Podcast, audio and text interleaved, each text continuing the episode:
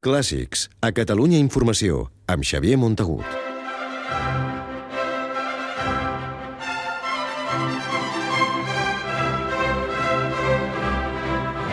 El Festival de Paralada celebrarà aquest estiu els 25 anys. El certamen empordanès, que arrencarà el 15 de juliol i que es reivindica com el Festival de les Veus, festejarà les noces de plata amb molts dels artistes que hi han actuat aquest últim quart de segle, entre els quals la Fura dels Baus, que presentarà una gran òpera, Orfeo i Eurídice, de Gluck.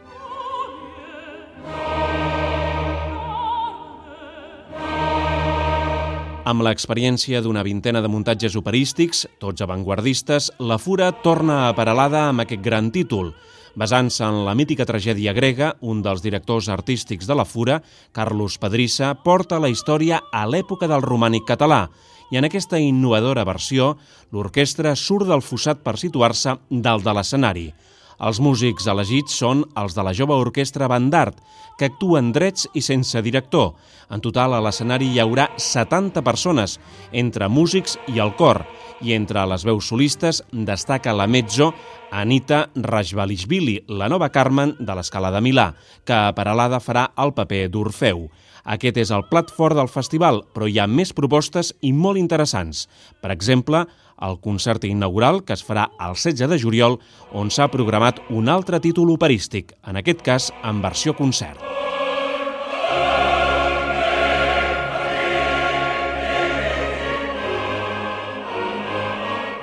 És Nabucco, una de les òperes més populars de Verdi, que interpretaran, entre altres, la soprano ucraïnesa Maria Guleguina, l'Abigail de l'última dècada i el baríton menorquí Joan Pons. Estaran acompanyats per l'orquestra i el cor del Liceu sota la batuta de Nelo Santi, tota una institució en el repertori verdià, i la veu de Paralada, Montserrat Cavaller, no faltarà a la cita dels 25 anys.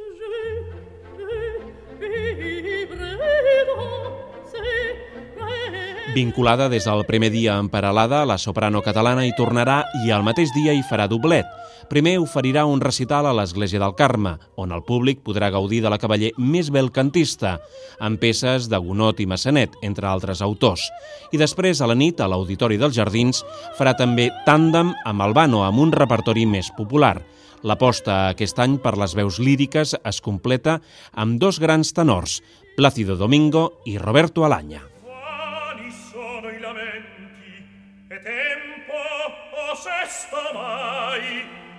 Domingo, que ja ha actuat a Paralada tres vegades i va ser a començaments del 90, torna al festival amb un programa d'àries i duets d'òpera i sarsueles, un repertori que fa molts anys que no fa a Catalunya, i Roberto Alanya aterrarà a Paralada acompanyat per l'OBC.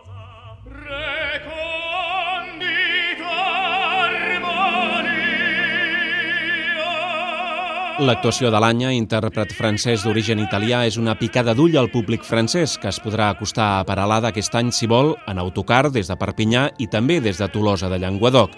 I en el capítol de la dansa, el certamen empordanès programa tres muntatges. El primer, de la coreògrafa granadina Blancalí, establerta a París. Blanca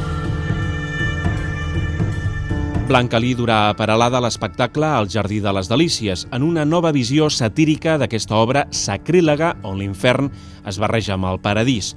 El segon espectacle de dansa serà una nit amb Rafael Amargo, al costat de bailaors de primer nivell, i el tercer muntatge, una companyia coneguda a Paralada, la d'Àngel Corella.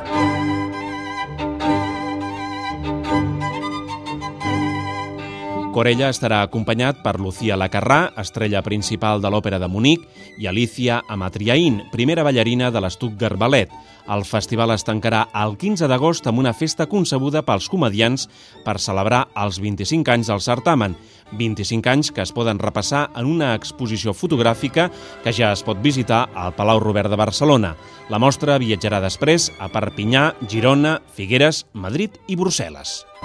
Clàssics, amb Xavier Montagut.